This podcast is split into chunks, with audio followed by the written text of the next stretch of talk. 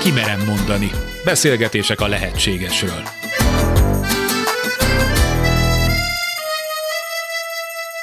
Képes-e az ember a nézőpontja a tudata megváltoztatására? Napjaink fogyasztói társadalmában, egy rendkívül versengő, individualista kultúrában vajon meghaladhatók-e a hétköznapok diktátumai? Ha igen, mennyiben és milyen áron? Vagy a tanult, az öröklött, a beidegződött mintáink és világlátásunk vezérel bennünket? A válasz bonyolult és sokrétű. Érdemes szétszálozni. Sugár Ágnes vagyok, köszöntöm Önöket. A Kimerem mondani sorozata új részekkel folytatódik. Ebben a sorozatban beszélgetéseket hallgathatnak, a lehetségesről úgy is mondhatnám, egy újfajta tudatosság lehetőségének vizsgálatára indulunk. Az egzisztenciális, érzelmi és mentális elbizonytalanodás, az ennek nyomán fellépő félelem mára tömeges méreteket ölt. Sokan sokféle módon keressük az egyensúlyt, a biztonságot. Mit jelentene egy újfajta tudatosság, és milyen lehetne az? Beszélgetések a lehetségesről.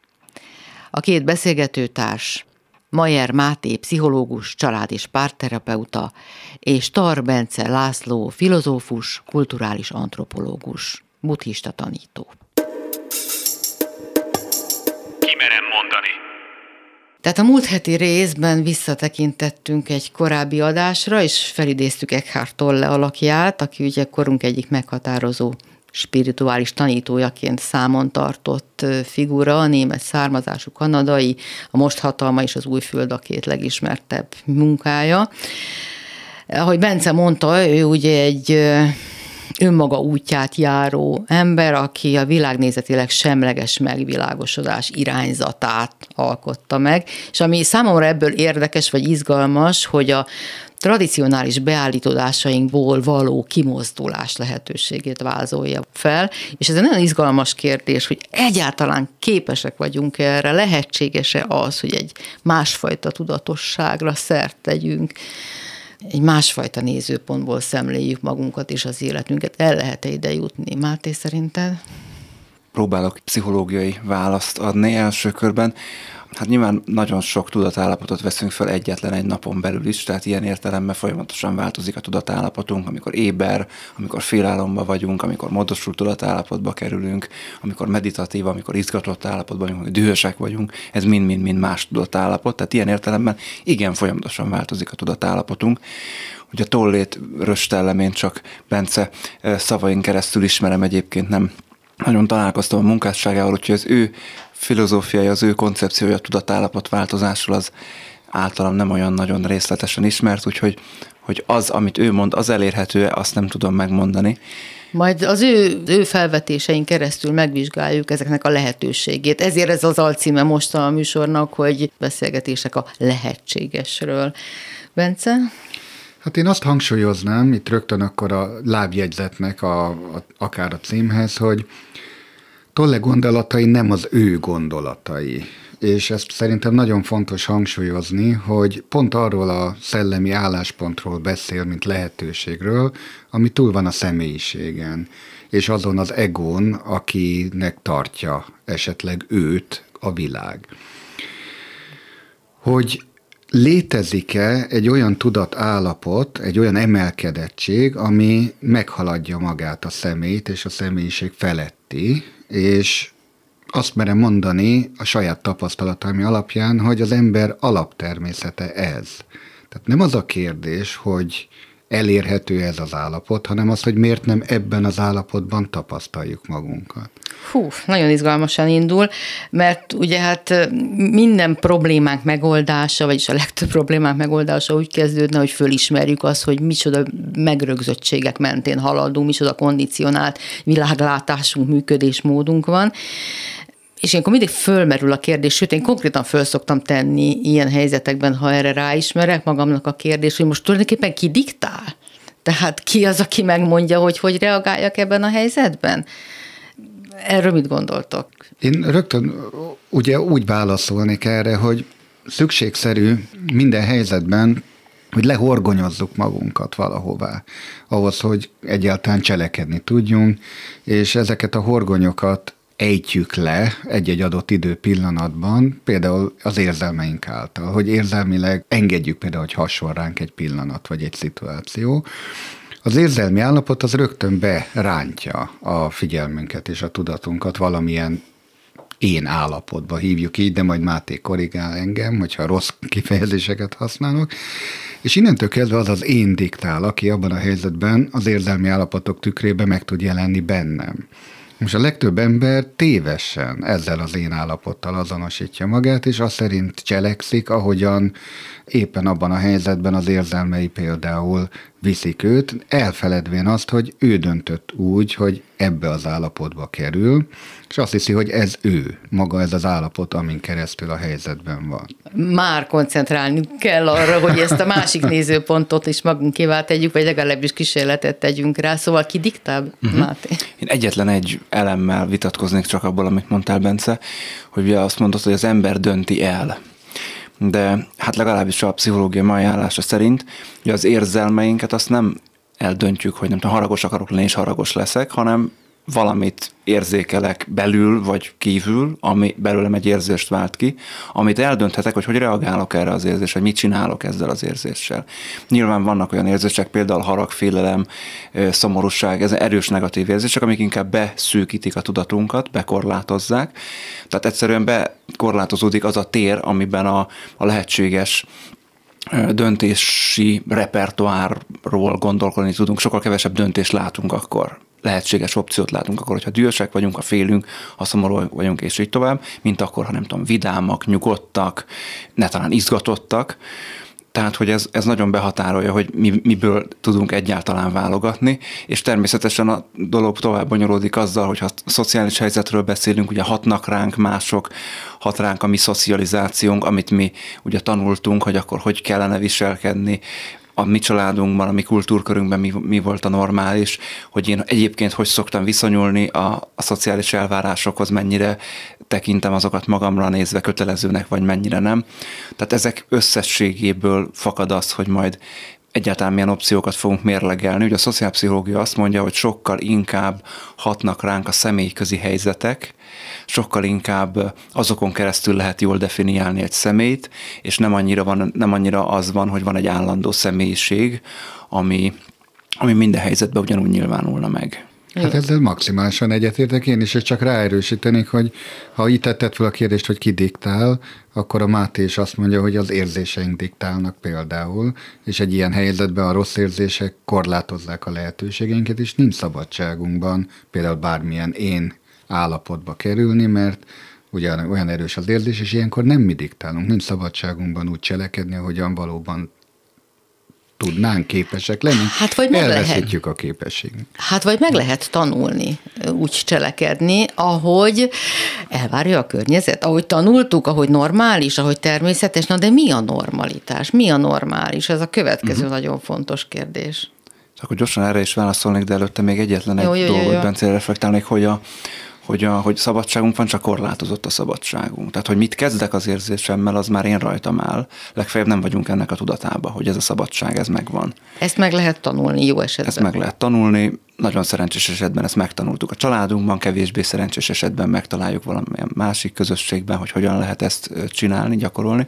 Ugye a normalitását általában azt szoktuk normalitásnak tartani, ami átlagos, tehát ami gyakori, ez az egyik definíció. A másik, amit a pszichopatológia mond, hogy ugye minden normálisnak tekinthető, ami a személynek nem okoz folyamatos lelki szenvedést, a környezetének nem okoz folyamatos lelki szenvedést, és egyébként nem gátolja abban, hogy egy relatív teljes életet éljen. Tehát nagyjából ez a tág definíció a normalitásra. Hát én meg egy abszolút szociálantropológiai definíciót hoznék ide, hogy normális az, amit egy társadalom vagy egy közösség ugye normaként elfogad. És a norma azzal csak annyit jelent, hogy egy közösségileg is legitimizált viselkedés mód, tehát az, ahogyan a közösség elfogadja, hogy ahogy mondtad, mások kárára nem téve, egy egyén viselkedik. Ezt tekintjük normális olyan emelkedetten hangzik pedig, hát az erőszak, a félelem, a kapzsiság, a hatalomvágy, ezek mind-mind az ember hétköznapi őrülette, legyünk őszinték. Hát ezek diszfunkciók, amikkel együtt élünk, és normálisnak tekintjük, még akkor is, ha szavakban mást mondunk, ezt tapasztaljuk. Hát ha mondod például az erőszakot, amivel együtt élünk, ugye, hogy az erőszak milyen közegben nyilvánul meg. Tehát normálisnak tekinthető az erőszakosság mondjuk egy erőszak szervezetben, mint amilyen a hadsereg vagy a rendőrség. Maradjunk a katonaságnál. De ott is ugye az, hogy minek az érdekében alkalmazott ez az erőszak, mást fog jelenteni erkölcsi értelemben. Hogy nem minden katona honvéd, de abban a pillanatban, hogy a saját hazáját védi, és erőszakot alkalmaz, akkor felmentjük az erőszaktétel alól, és úgy gondoljuk, hogy ez normális, sőt, kötelesség, míg mondjuk, hogyha ezt egy agresszor gyakorolja egy másik területnek az elfoglalása kapcsán, akkor ezt az erőszakot mi nem tartjuk normálisnak és erkölcslenek, pedig maga a konkrét cselekedet az ugyanaz. Hát illetve, hogyha tágabban gondolkodunk az erőszakról, ugye erőszak az is, hogyha nem tudom, valakivel szemben káromkodunk, felemeljük a hangunkat, és így tovább. De ez nagyon sokszor szükséges például ahhoz, hogy egy ember fölnőjön, hogy le tudjon válni a szüleiről, legalábbis a mi kultúrkörünkben, ahhoz valamiképpen velük szemben is kell tudnia definiálni magát, valamiképpen el kell tudni tőlük távolodni, és ehhez kell kvázi erőszakot alkalmazni, vagy ha megtámadnak és megvédem magam, az is egy, az is egy erőszak, és nem feltétlenül kell fizikai erőszakra gondolni. Tehát hogy az erőszak az nagyon sok esetben proszociális, az nagyon sok esetben kell az egyén, akár a közösség fejlődéséhez is, tehát nem feltétlenül egy, egy nettó rossz dologról van szó. Igen, de én most elsősorban a, a rosszra kérdeznék rá, hiszen a mindennapi tapasztalatunk az, hogy ez is jelen van, sőt, mint hogyha ez az őrület egyre fokozódna. Lehet persze, hogy ezt a jelenlegi körülmények is sugalják, Hmm. hozzuk le a hétköznapok szintjére. Honnan jön ez az emberben, ez a vágy? Honnan ered, hogy másokat uraljon, hogy harácsoljon, hogy kabzsi legyen, hogy korrupt legyen, hogy erőszakos legyen, és akkor most a jogos önvédelem és agresszió köréből lépjünk ki? A félelemből. A félelemből táplálkozik.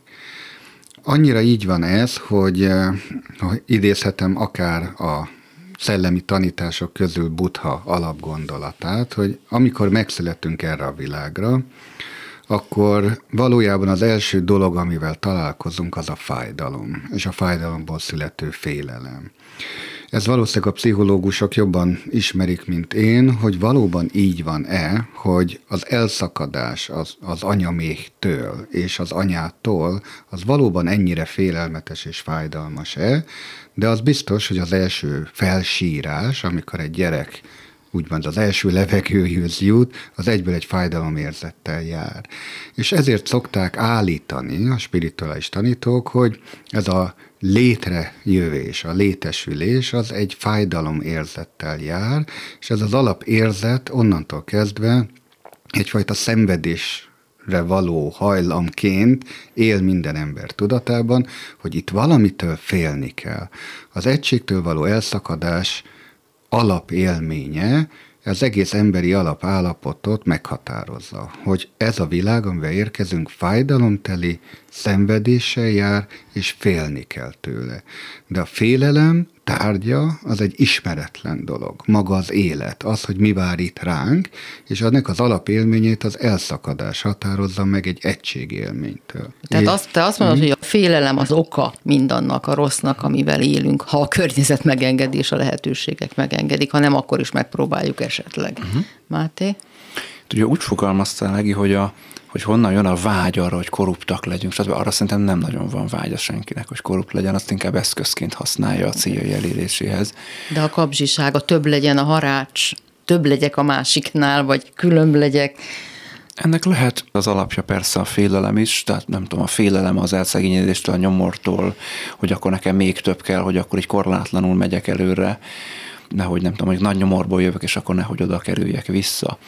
Ugyanakkor lehet erre egy ilyen evolúciós pszichológiai megközelítésű választ is adni, hogy, hogy ugye a egyéni túlélés, illetve a fajfenntartás ugye a két legalapvető motiváció egy ember számára, és nyilván, hogyha minél hatalmasabb vagyok, annál inkább a szaporodási siker, illetve a, a, az egyén túlélése annál, annál valószínűbben lesz sikeres egy adott közösségben. Tehát azt hiszem, hogy azzal, hogy ilyen nagy intézményesült társadalmakban, államokban élünk, azzal már nagyon régen elszakadtunk, legalábbis intézményi keretek szintjén nagyon régen elszakadtunk azoktól a gyökerektől, ahol kifejlődött az ember.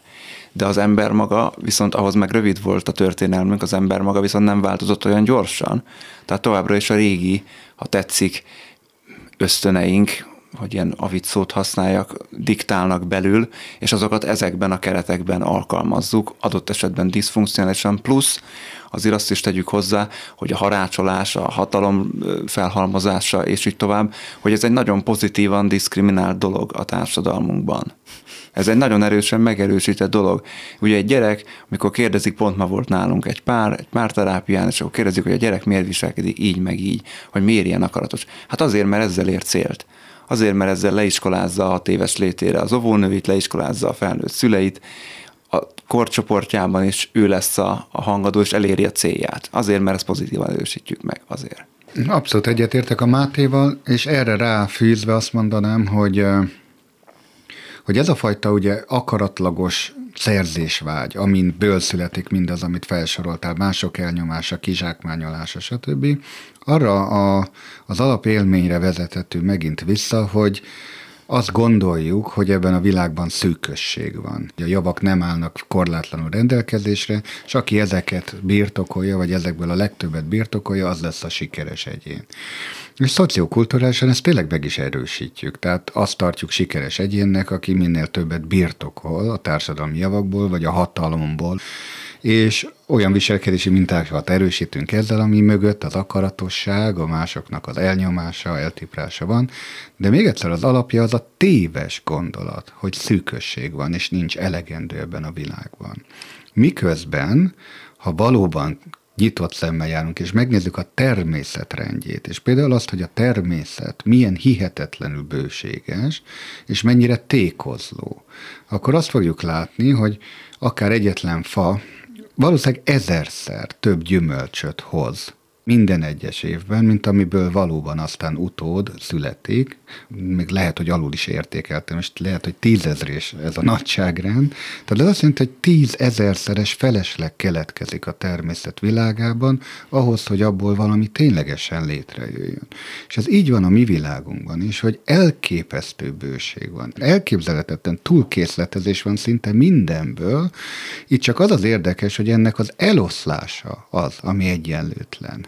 Tehát nem hiány van, hanem az eloszlás és a közösség közötti megosztása ezeknek a javaknak az, ami egyenlőtlen, és mi ezt az egyenlőtlenséget tartjuk fent, szociokulturálisan immár 5000, 6000, mások szerint akár 20 ezer éve is. Tehát még egy érvel több arra, hogy pillancsunk egy kicsit mögé a működésünknek, nézzük már meg, hogy tényleg mit hiszünk el, mit fogadunk el, mihez alkalmazkodunk, mi az, ami valóban lehetséges változtatni. Itt még nem nagyon jött szóba, de fontosnak tartom, hogy tisztázunk néhány fogalmat, mert elgondolásom szerint a sorozat következő részeiben lesznek olyan megállapítások vagy kérdések, amik kicsit meredeknek számítanak, vagy számíthatnak, ezért óhatatlanul, meg Tolléra is hivatkoztam, hogy nyilván elő fog még kerülni Eckhart Tolle neve. Az ezotéria, a New Age, a spiritualitás fogalmait tisztáznunk lenne jó, mert az én fejemben is például nagy keveredés van, én például nagyon előítéletes vagyok a New age kapcsolatban, pedig nyilván megvan a maga létjogosultsága, mert mindennek megvan, hogy miért virágzott föl, miért olyan sikeres és miért olyan népszerű, de például ha én ezt meghallom, akkor azt elutasítom helyből, pedig nyilván nem teszem jól. Tehát jó lenne, hogy egy kicsit mögé néznénk, hogy mit is jelentenek ezek a kifejezések, és miben is különböznek egymástól. Melyiktől induljunk, mert talán az ezotéria, ezotérika az, ami a legrégebbi, hát a New Age-hez képest mindenképpen, de köze van a kettőnek igen, egymáshoz. Igen. Én abszolút akkor egy kulturális antropológusi választ adnék erre, hogy muszáj a gyökereit a szónak és a kifejezésnek tisztelni, hogy maga ez a kifejezés, hogy ezoterré, hogy ezotéria, amiből jön, azt jelenti, hogy zárt tér. És ez a görög templomoknak azt a belső szentélyét jelentette, ahová a beavatatlanok nem léphettek be. Szó szerint volt egy külső fallal körbekerített templom udvar minden esetben, ahonnan lépcső sor vezetett föl a fő szentélybe, és a szentély ajtaján belépve volt egy második szentély abban bent, ami mögött mindig elzárva volt található annak az istenségnek a szobra.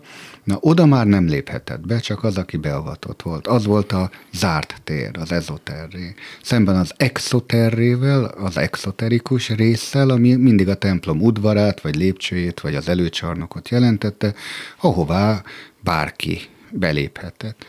Tehát ez utalt arra, hogy van minden misztérium iskolának, minden vallási közösségnek valami olyan rejtett tanítása és egy olyan tere is, ahová csak azokat engednek be, akik méltók rá, akik valóban a misztériumok megismerés előtt például kellően megtisztultak, és ez például fizikailag is jelentette azt, hogy fürdőt vettek, lemosták magukról szó szerint a külvilág porát, új ruhát öltöttek, tiszta fehérbe öltöztek, megmosták lábukat, arcukat, felkoszorúzták magukat, és már lélekben ünnepelve készültek a, az Istenséggel való találkozásra. Tehát ez a régi kifejezés került át a jelenkorba, arra utalva, hogy azokkal a témákkal foglalkozik az ezotéria, amelyek ilyen ünnepelt titkai lennének a mi világunknak, de csak azok számára jelentenek valódi kincset, akik lélekben felkészülnek ennek a befogadására. Sokszor szoktuk mondani, hogy ez a fajta elzártság, az például a tudományos gondolkodásra sokkal igazabb, mint eh, sok ezoterikusnak feltételezett műre, mert ma, ha valaki kezébe vesz egy kvantumfizikáról írott művet, vagy egy asztrofizikát, akkor a legnagyobb többség semmit nem fog ebből megérteni. Semmit az égvilágon, még a kifejezéseket se érti, számára kriptikus szövegekkel fog találkozni, amiknek sem, még a jelentését se érti, nem hogy a kérdéseket, amivel foglalkozik. Hát igen, igen, csak úgy vélem, vagy én úgy látom, hogy ma már sokkal inkább az ezotéria kifejezés azt jelenti, tehát a New Age mindenképpen, hogy olyasmivel foglalkozik, ami a tudomány határain kívül van. Tehát tudományosan nem kategorizálható, nem kutatott, nem vizsgált, sőt elutasított akár. Előkerül valamilyen módon ez a kifejezés, vagy az ezotéria maga a pszichológiában? Hát vannak pszichológusok, akik beszélnek ilyen témákról, akár az ezotériáról, akár a Age-ről, de igazából a pszichológia főáramának viszonylag kevesebb mondandója van erről. Ugye van a transpersonális pszichológia, amelyik azzal foglalkozik, hogy a a hétköznapi tudatosságon túl valamifajta kollektív tudat ilyesmik hogyan jelenhetnek meg, megjelenhetnek-e. Ugye ez a pszichológián belül sem egy fő áram, sokak által inkább ilyen óvatosan kezelt áltudomány határát súroló történet. Ugye maga a New Age az egyetemi képzésen, mint társadalmi jelenség beszélgettünk róla, nem annyira pszichológiai szempontból, inkább talán valami fajta társadalomtudományos megközelítésből. Ugye a New Age valószínűleg sokak számára, meg az ezotéria is, ahogy így a hétköznapi nyelvben megjelenik, az a tévégyógyítók világa, akik gerincműtétet végeznek ugye az energiák segítségével, tehát körülbelül ilyen sarlatánság, amivel hiszékeny embereket rávesznek arra, hogy emeldias telefonszámokat hívjanak föl. Nagyon sok szintje van ennek is. Ugye ez valamikor a 70-es években Amerikában hát Igen, én a, a fogalmak a pontosítása miatt mondanám akkor még azt, hogy igen, az ezotéria szó elferdült, és ahogy te is idézted az előbb, hogy ezoterika néven egy ilyen gyűjtő fogalomként ezeket az áltudományokat soroljuk nagyjából ide, amelyek persze nem áltudományok, mert bizonyos koroknak ezek a vezető tudományágai voltak, csak ugye pont ezt mutatja a tudományos paradigmákat, hogy, hogy bebizonyosodik róluk, hogy nem igazak, és meg kell őket haladni, amikor egy asztrológia a reneszánsz korban gyakorlatilag nem különte az asztronómiáról, és még abba hittek, hogy a, a tökéletes teremtés elmélete miatt a bolygóknak szükségszerűen körpályán kell mozogni, és ezért úgy rajzolták fel a bolygóknak a keringési pályáját, mint amik tökéletes kör alakúak, és hát nem jött ki a matek, de pont mondhatjuk, hogy ezoterikus gondolkodás miatt nem merték bevallani, és úgy gondolták, hogy biztos a számítások a hibásak, vagy a megfigyelések, mert azoknak tökéletes körök pályáin kell mozogniuk, aztán bebizonyosodott, hogy nem, sajnos a megfigyelések és a számítások jó, és a bolygók nem körpályán mozognak, hanem ellipszis pályán. És akkor mondhatjuk, hogy elindult az empirikus megfigyelés, és az emberek el tudtak ugye a tudományos megfigyelésekkel keresztül odáig jutni, hogy hát lehet elméleteket alkotni, amelyek egy darabig ugye hát így határtudománynak, néha áltudománynak is tűnnek, de kérdés az, hogy ezekből behozható-e bármi a valós ugye tudományos gondolkodás világába. Tehát igen, a távgyógyászat, amit az előbb említettél, a tévégyógyászok, akik a gerincműtéteket végeznek televízión keresztül, nagyon nehezen hihető, hogy ez tudományosan valaha igazolás nyer. De valahol a szabad gondolkodás azt jelenti, hogy ennek az elvi lehetőségét kéne vizsgálni, hogy valóban lehet távhatást gyakorolni.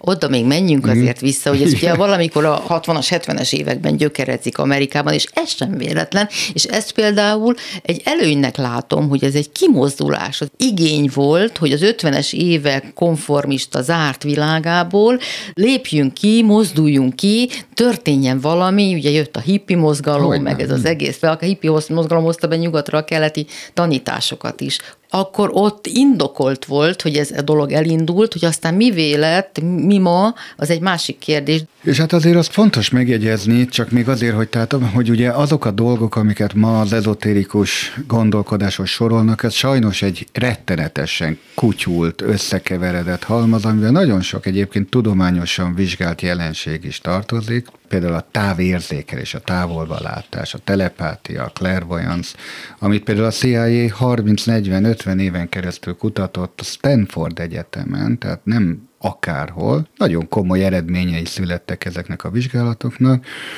Hát ezt ezotériának nevezni borzasztó tévedés lenne. Hát ez nem az. Ez egyszerűen nem ezek tudományos vizsgálatok, amelyek azzal kapcsolatosak, hogy az elme és a tudat az képes a, ugye az érzékszerven túli érzékelésre. Amire természetesen képes, tehát ugyanúgy, ahogy mi mondjuk nem kell ahhoz látnunk egy tüzet, hogy érezzük annak a hőjét, csukott szemmel is. Rengeteg olyan dolgot érzékelünk, mi emberek is, amelyeket mondhatjuk, hogy nem klasszifikáltunk, vagy nem veszünk egyelőre az, a, a hagyományos észleletek eh, rangsorába, de semmi áll tudományos nincs bennünk. Sőt, semmiféle ember feletti vagy transzcendens tapasztalás. Az, hogy bizonyos emberek például érzékenyek az elektromágneses sugárzásra, az elektroszmogra, és nem képesek nagy feszültségű vezetékek közelébe élni, mert folyamatos fejfájásuk van, ők ettől nem ezoterikusak, hanem csak érzékenyebbek az elektromágneses mezőkre. Vannak ilyen emberek is. Na most, ha valaki ezt egyből kizárja, mint lehetőséget, ez a, egyébként ez annyira igazolt, hogy Angliában ez például egy, egy jogos betegség, vagy hogy mondjam, benne van a klasszikus betegségek listájában, és valóban lehet hivatkozási alap, ha valaki ilyen munkahelyen dolgozik, egy transformátorház közelébe, és komolyan fejfájása van, hogy, hogy valóban munkaképtelen miatt. Ezt itt Magyarországon furcsállanák, ha valaki azt mondaná, hogy hát én folyamatosan fáj a fejem, mert van egy generátor a szomszéd szobában, nem hinnék el neki. Hm. Tehát, hogy hol húzzuk meg ennek a határait, például, hogy ki mennyire érzékeny, vagy a távérzékelése mire terjed ki, ez ma is egy kutatási téma, de semmi ezoterikus nincs benne. Az ezoterikus gondolkodásnak a nagy része valóban ennél azért tovább megy, és azzal foglalkozik, hogy a transzcendens tapasztalások birodalmából mi az, ami verifikálhatóan áthozható a mi tapasztalati világunkban. Például van-e élete a halál után? Lehet-e a holtakkal kommunikálni? Vajon az ősök, akik itt éltek valaha és eltávoztak, hagynak-e itt bármiféle lenyomatot, és lehet-e az ősökkel, nem tudom én, kommunikálni? Képesek vagyunk-e a jövőt befolyásolni, és ilyen gondolatok tartoznak hozzá, és még a fogalmak tisztázása miatt a New Age-ről annyit, hogy a New Age annyiban más, ahogy a neve is mondja, hogy új korszak, ugye ennyit jelent, ez egy amerikai irányzat, Amerikában keletkezett fogalom, hogy nem kíván semmilyen tradicionális eszperendszerhez kapcsolódni. Tehát vallástól, filozófiától, spirituális hagyományoktól teljesen független, és ezeknek egy egyvelege, ezt most szépen fogalmazom, valaki azt mondja, hogy a kocsvaléka, de valójában arról van szó, hogy egy szinkretikus törekvés arra, hogy hát mindenhonnan összeszedve kvázi az értékes morzsákat valami új keverék szülessen. Hát és kérdés, hogy az értékes morzsák kerülnek-e egybe, mert hát, ugye azért nyilván ennek is egy fejlődési úton át kell mennie. Úgy érzékelem, hogy Bence sokkal elfogadóbb és sokkal-sokkal nyitottabb, mint amit egy tudományos gondolkodás vagy igény megenged. Tehát gondolom, hogy pszichológus soha nem fog így nézni ezekre a dolgokra, amik bevonhatók, akár segítő módszer vagy eljárásként egy terápiába. Ha uh-huh. valaki például egy ilyen, egy ilyen ügyben hisz, ha erre támaszkodik, hogyha az ő világlátása ilyen, és ilyen kérdésekkel fordul, vagy ehhez hasonló segítséget vár a pszichológusától. Hát ugye, hogyha egy, egy picit más keretrendszerbe helyezzük a, ezt, a, ezt a kérdést, akkor itt a, itt a hit témája jön be. És a hitre, mint olyanra, akár a vallásos hitre, mi pszichológusok, akkor is, ha személyünkben esetleg mi nem vagyunk vallásosak, mert én sem vagyok az, arra szoktunk építeni, mint erőforrás.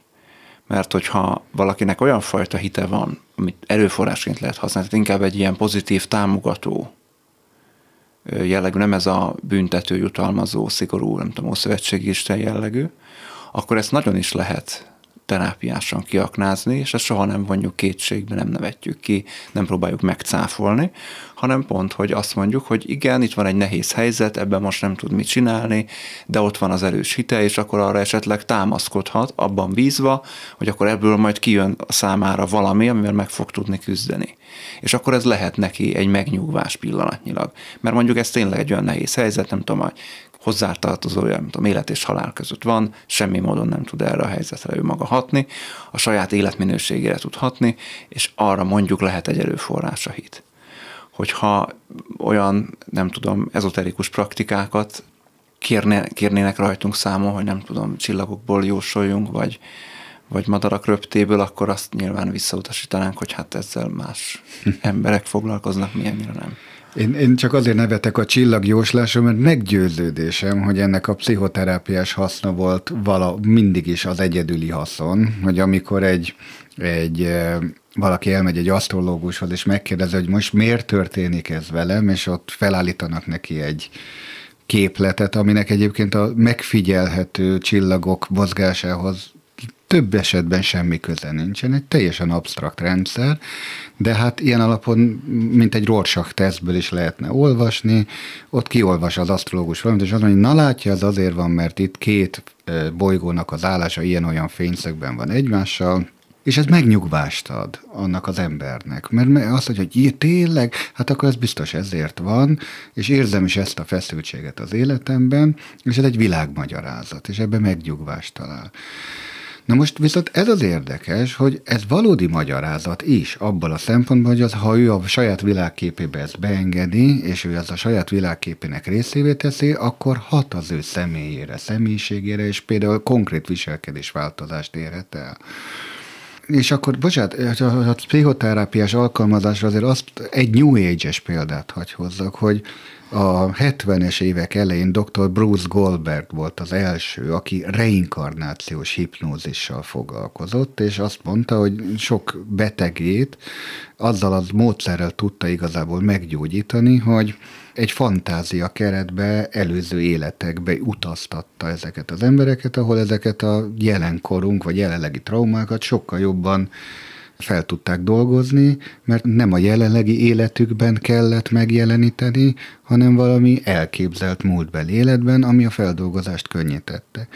És ő azt mondta ezzel kapcsolatban, hogy ő, nem tör amellett, hogy ezek valós élmények, vagy nem valós élmények, tényleg megtörtént események, vagy nem, de az biztos, hogy gyógyító hatás van. Uh-huh. Ide akartam kapcsolódni, hogy, hogy igen, tehát hogyha, hogyha ez valóban föloldja az adott személy számára. Most mindegy, hogy a reinkarnációs hipnózis, a, a csillagjóslásból következő magyarázat, ha számára feloldja azt a feszültséget, amire oda ment, akkor azt mondhatjuk, hogy igen, ez egy pozitívum. Én viszont nagyon sokszor találkozom azzal, amikor valaki elmegy ezotérikusnak mondott irányzatok képviselőihez, és ott kap olyan a pszichológia szempontjából álmagyarázatokat az ő problémájára, hogy nekem halott tikertestvéremmel kell nekem valamit igen, kezdeni, és igen. akkor ez az életem ö, nagy feladata, hogy ezt feloldjam, és ezért van nekem minden bajom.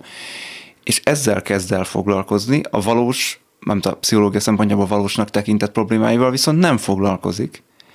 És ebben pörög éveken, évtizedeken keresztül, esetleg egy nagyon megrögzött gondolkodás, egy nagyon szilárd, nehezen mozdítható gondolkodás kristályosodik ebből ki, amiből nem is nagyon tudjuk kiszökkenteni, amitől ő maga szenved.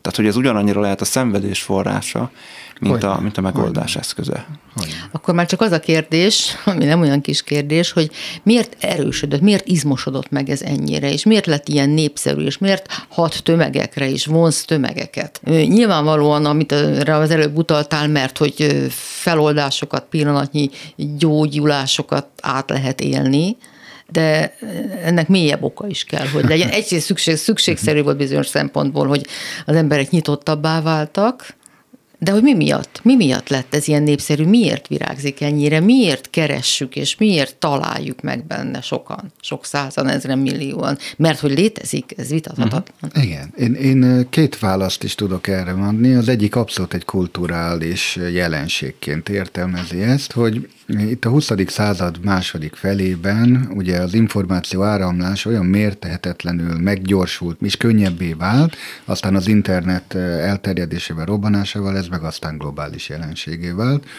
hogy lehetővé vált az, hogy az elmúlt koroknak minden tudása, tértől időtől függetlenül keleti és nyugati bölcselet, északi és déli, ókori, középkori, legújabbkori, minden korból, minden égtájról, minden összeg találkozzon, ami szükségszerűvé tette azt, hogy hogy az emberek fejében egy ilyen eklektikus zűrzavar keletkezzen. Ez, ez nem egy végállapot. Ez én úgy látom, így kulturális jelenségként, hogy ez egy igazából még csak egy olyan, mint a reneszánsz kor kezdetén, amikor az alkímia, a, a, ugye Arábiából beérkező hermetizmus, az antik görög filozófia ugye elkezdett összetalálkozni, és ugye egyszerre minden volt.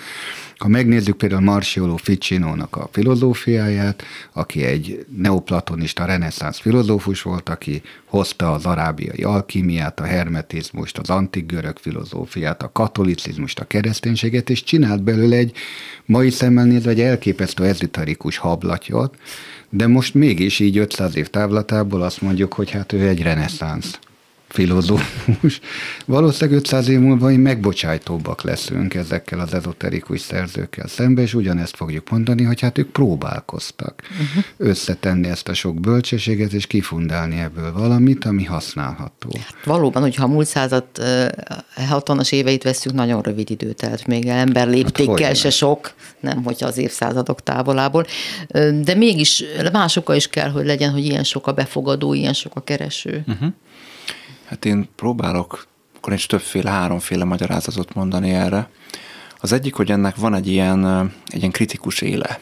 Tehát egy ilyen tudománykritikus, modernitáskritikus megközelítése, aminek biztos, hogy van egy olyan vetülete, hogy sokan egyszerűen nem értik például a kvantumfizikát. Nem azért, mert a kvantumfizikusok azok ezoterikusok lennének a szó antik értelmében, és elzárnák a tudást, hogy nagyon szeretnék azt megosztani, csak nem fogadja be Így a hallgatónak az agya, nem találják azt a, azt a közös nyelvet, ahol azt el lehetne mondani. Tehát, hogy van ez a fura tudomány, mert ugye a hétköznapi ember számára a tudomány az ugyanúgy egy hitrendszer, mint akármelyik vallás vagy hiszek a tudományba, vagy nem. A tudomány persze el tudja mondani, hogy miért állítom azt, amit, de hát úgyse érti a magyarázat 90%-át, vagy még többet. Úgyhogy erre ugye egy sokkal egyszerűbb magyarázat az, hogy a ciklonok meg az anticiklonok helyett ugye az úr parancsolata miatt esik az eső. És akkor azt úgy, azt úgy értem, hogy akkor van valami úr, és akkor az egy parancsol nekem. Vagyis a New Age is nagyon egyszerű és érthető válaszokat ad sok dologra? Leegyszerűsítő válaszokat ad nagyon sok esetben és összetett kérdésekre, így van és azt, azt az érzetet kelt, hogy na akkor ezzel így meg van magyarázva a világ, egy világmagyarázatot, világ. és csak te egyszerű ember is értheted a világot. Tehát abszolút van egy ilyen éle a dolognak. Erre ráfűzhetek? Mert persze, nagyon persze. egyetértek Mátéval. Azt gondolom, hogy ez a leegyszerűsített világmagyarázatok miatt van így. Elég, ha veszel egy kártya paklit, amiben van 22 lap, és azokat kiteszed, és meg fogod magyarázni az élethelyzetedet. Hát bárcsak ilyen egyszerű lenne, te jó ég, bárcsak ilyen egyszerű lenne. De ugyanakkor tényleg egyszerű, mert ha megmagyarázod, és abba te meggyugszol, akkor már lehet, hogy erőforrást is nyertél. Hát így van, és erőt tudsz belőle meríteni, mert egy végtelen leegyszerűsítés, akár egy kockadobálás, nem felejtsük el, hogy valaha az is egy ezoterikus céllal akár használt eszköz volt, divinációs eszköz, most hanyost fogok dobni, vagy akár csak egy csirkecsontot, ha eltörünk, akkor kinél marad a hosszabb fele. Vagy a kávézat. Vagy a kávézatban mit látok. Tehát ezek végtelen egyszerűek, ez a, ez a fajta jelkeresés és a világnak az ilyen egyszerű magyarázata, az minden ember számára egy réges-régi év, azt gondolom, hogy evolúciós vágy, hogy kapjunk valami jelet, kapjunk valami üzenetet, ami segít bennünket tájékozódni. De akkor ez rendben is van? Ez a része? Ez a része teljesen rendben van, és itt jön a másik, amit mondanék, mint magyarázatot, hogy ez azért van, mert az embernek, az én felfogásom szerint valóban van egy olyan e, felsőbbrendű tudatossága, aki tökéletesen átlátja az élethelyzetét, és ilyenkor valójában az ember ehhez a felsőbbrendű tudatához fordul. Baromira nem az érdekli, hogy most milyen a kávézat van ott kirakva, hogy hányas az a dobókocka, hanem az milyen gondolkodásra készteti egy magasabb perspektívából. És ilyenkor tulajdonképpen az emberek egy pillanatra hagyják, és ez a legfontosabb lényege ezeknek a divinációs eszközöknek, hagyják, hogy a, a, a, a tudatuk, a hétköznapi énjük egy kicsit félreálljon az útból. És ők ugye átengedik az irányítást valami felsőbbrendűnek, hogy akkor ez, ez most nyilvánuljon meg. Hmm, de szépen hangzik. Ez nagyon biztató. De volt még két ok, Igen. amit említett Máté. Igen. A második, amit, amit így idehoznék mindenképpen, hogy um, tulajdonképpen ezzel az ezotériával, New Age-el, ezzel az embereknek arra a vágyára nagyon rá lehet csatlakozni, hogy megkeressék az élet értelmét. De ugye ezen miért kezdünk el gondolkodni? Mert jólét van. Amikor valaki az, azzal küzd reggeltől estig, hogy legyen mit ennie, hogy ne halljon meg valamilyen támadásban, akkor nem fog az élet értelmén gondolkodni. Ő nem lesz valószínűleg annyira nyitott a New Age meg az ezotériára, mert a túléléssel fog ö, foglalatoskodni. De a mi anyagi jólétben élő társadalmainkban, amikor már nem azért kell fölkelni, hogy aztán este még éljünk a nap végén, hanem hogy így nincsen oka igazából a létezésünknek, legalábbis egy ilyen nyomjuk a darálót. belső oka, amit, így, amit nagyon érzékelnénk, ezért kell valami külső okot keresni. És erre ad magyarázatokat a világvallások is természetesen, de akár a New Age, az ezotéria is. Ugye a világvallások, meg az ezotéria, versenytársanak is látom őket, ugye a, a New Age-nek a, a, az újdonság, az a versenyelőnye, hogy akkor azt mondja, hogy hogy mondtam, hogy Bence mondta, hogy, hogy én mindentől eltávolítom magam, én azt mondom, nekem semmi közöm nincs ezekhez, persze ezekből merítettem, de hogy én nem vallom az ő hagyományaikat, én nem feszítettem keresztre embereket, nem indítottam dzsihádot, stb. stb. nem akartam megtéríteni senkit. Én, én valami teljesen más vagyok. Így van. Tehát, hogy van egy ilyen ígéret, hogy akkor, hogy akkor ez, ez egy ilyen tiszta közösség, ahol lehet csatlakozni, nincsen történelmek beszennyezve. És azt hiszem, hogy van még ennek egy olyan fajta társadalomkritikus vetülete is talán, hogyha ugye megnézzük a, a világnak az állását, pont ahonnan indultunk, hatalmasok, gazdagok, a többség azért nem oda tartozik, hogy akkor erre kell valamilyen, valamilyen az bennünk lévő igazságtalanság érzet, érzetre valami válasz, amit ez ugye kiválthat bennünk, és akkor erre ad mindenfajta válaszokat a, nem tudom, a szellemvilágból, az újjászületés, stb. Tehát, hogy majd meg lesz a jutalmunk, majd helyre billen az igazság, az igazságtalanság, amit itt megélünk, hogy nekünk nincs annyi, mi nem vagyunk olyan hatalmasok, de majd rendesen erkölcsösen élünk, nem tudom, akkor majd, akkor majd nekünk jobb lesz, amit a vallások is ígérnek. Igen, ez a fajta világnézeti semlegesség, eh, mondtad, hogy egy tiszta köntösbe öltözteti azt, aki ebben az eszme rendszerben gondolkodik, a világ nagy kérdéseiről. Azt is mondtad, hogy azok foglalkoznak ezzel, akik jólétben élnek, és van idejük ezzel foglalkozni. Mégis oda térnék vissza, hogy általában az ilyen típusú egzisztenciális kérdéseket azok teszik föl, akiket valamiféle ugye trauma ér lelki trauma, megrázkodtatás. Ugye többször idéztük korábbi műsorokban is, hogy Buthát például az indította el a megvilágosodás keresésére, hogy találkozott egy öreg, egy beteg, majd egy halott emberrel, és ugye akkor döbbent rá, hogy úristen, hát mindenki megöregszik, mindenki megöregszik, mindenki meghal, velem is ez fog történni, és ekkor kezdett el egzisztenciális kérdéseket feltenni, hogy akkor ki vagyok én, és mi marad belőlem, ha mindez a sors vár rám. Én úgy gondolom, hogy azért az ezotériához is, és bármilyen New Age-es köntösbe is jelenjen meg, kvázi ilyen egzisztenciális válságok vezetnek, hogy valami, ahogy mondod, egy nagy társadalmi igazságtalanság, vagy egy személyes igazságtalanságnak a megélése, egy szeretetnek az elvesztése, vagy egy korán eltávozóé, vagy egy, egy olyan tragédiája, amit nem tud az ember feldolgozni, és nem pszichológushoz megy, hanem egy kártyát húz, hogy ez most miért van. Hm. És akkor kijön a tarókártyából a torony, ahová belecsap a villány, és kihullanak az emberek, na, és akkor azt mondja, hogy ja, hát ezért. De ez nem magyarázat, csak egyfajta megnyugtatás. De ha nem ezt húznák ki, akkor másban is megtalálna a magyarázatot, de ez segít a lelki feldolgozásban megint. De újra hangsúlyozom, hogy nem maga az eszköz a segítség, és nem is az eszköz a lényeg. Itt, itt szerintem ebbe téved sokszor a tudományos gondolkodás, azt mondja, hogy hát ez, ez bógusz, ez az egész tényleg egy áltudomány, és egy, mert az eszközei is primitívek, tényleg azok.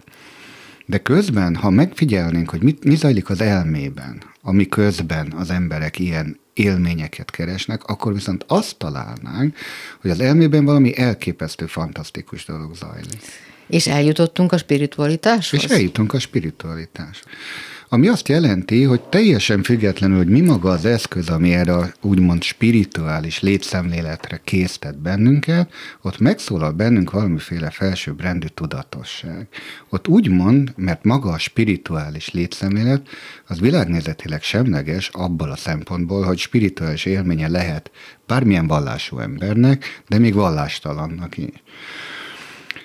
Annak a megélése az, hogy valami hirtelen egy magasabb értelmezési tartományban jelentőséget kap. Tehát értelme van. Rá eszmél valaki arra, hogy valamilyen szellemi magyarázat tükrében az, ami vele történik, az egy valódi értelemmel bír. Hát, tulajdonképpen ezt szeretné elérni a pszichológia is, nem? Hogy rálássunk a saját működésünkre, hogy ki tudjunk mozdulni a korábbiakból. Hát talán a legutolsó gondolatot tudok legkönnyebben rácsatlakozni. A pszichológia ilyen értelemben nagyon semleges, tehát hogy mi nem, nem azt képviseljük, hogy ez vagy az, vagy az történjen, hogy ki tudjon mozdulni az elakadásból. Ha nagyon le akarom egyszerűen, mi, miben tud segíteni egy terápia, akkor abban tud segíteni a terápia, hogyha az ember valamilyen elakadásokkal oda érkezik, és egymásra tudnak hangolulni a segítővel, és nem tudom, hiteles, stb. stb. de minden feltétel teljesül, akkor ez az elakadás fog föloldódni jobb esetben a folyamat során, ami nem azt határozza meg, hogy ő merre fog majd innen tovább indulni, arról semmit nem mond a pszichológia, hanem csak arról mond, hogy ezzel az elakadással ö, hogyan tudunk megbirkózni. És a megbirkózás az azt jelenti, hogy a tudati állapotunk változik? Bizonyos értelemben igen de nem a tudatállapot felől közelítenek, inkább a gondolkodásmód, inkább a narratíva. És Igen. olyan értelemben változik, hogy gazdagodik. Tehát, hogy nem lecserélődik feltétlenül, a legtöbb esetben nem lecserélődik, hanem kiegészítődik. Igen, nem kiegészül, így van. És ezért hoznám vissza ezt a szót, hogy értelemmel bír. Hogy amikor valaki erre rá eszmél, hogy mi is volt ennek az értelme, vagy miért ez történt, akkor nem lecserélődik, ahogy mondod, az az esemény, tehát nem szűnik meg, nem negálódik, és nem tűnik el az élet események horizontjáról, csak egy kiegészülő, ami olyan világmagyarázattal, ami az egészet megmagyarázza. És ez egy szellemi felismerés, ezért hívjuk spirituális élmény. Hm. De jó, spiritualitásod mértéke független attól, hogy mit hiszel, ám maximálisan összefügg a tudati állapotoddal. Úgy van. Mondja Eckhart Tolle. Köszönöm szépen Majer Máténak és Tarbence Lászlónak ma estére. Innen folytatjuk legközelebb egy hét múlva. A hallgatóinak köszönöm a figyelmet. Viszont hallásra. Kimerem mondani. Beszélgetések a lehetségesről.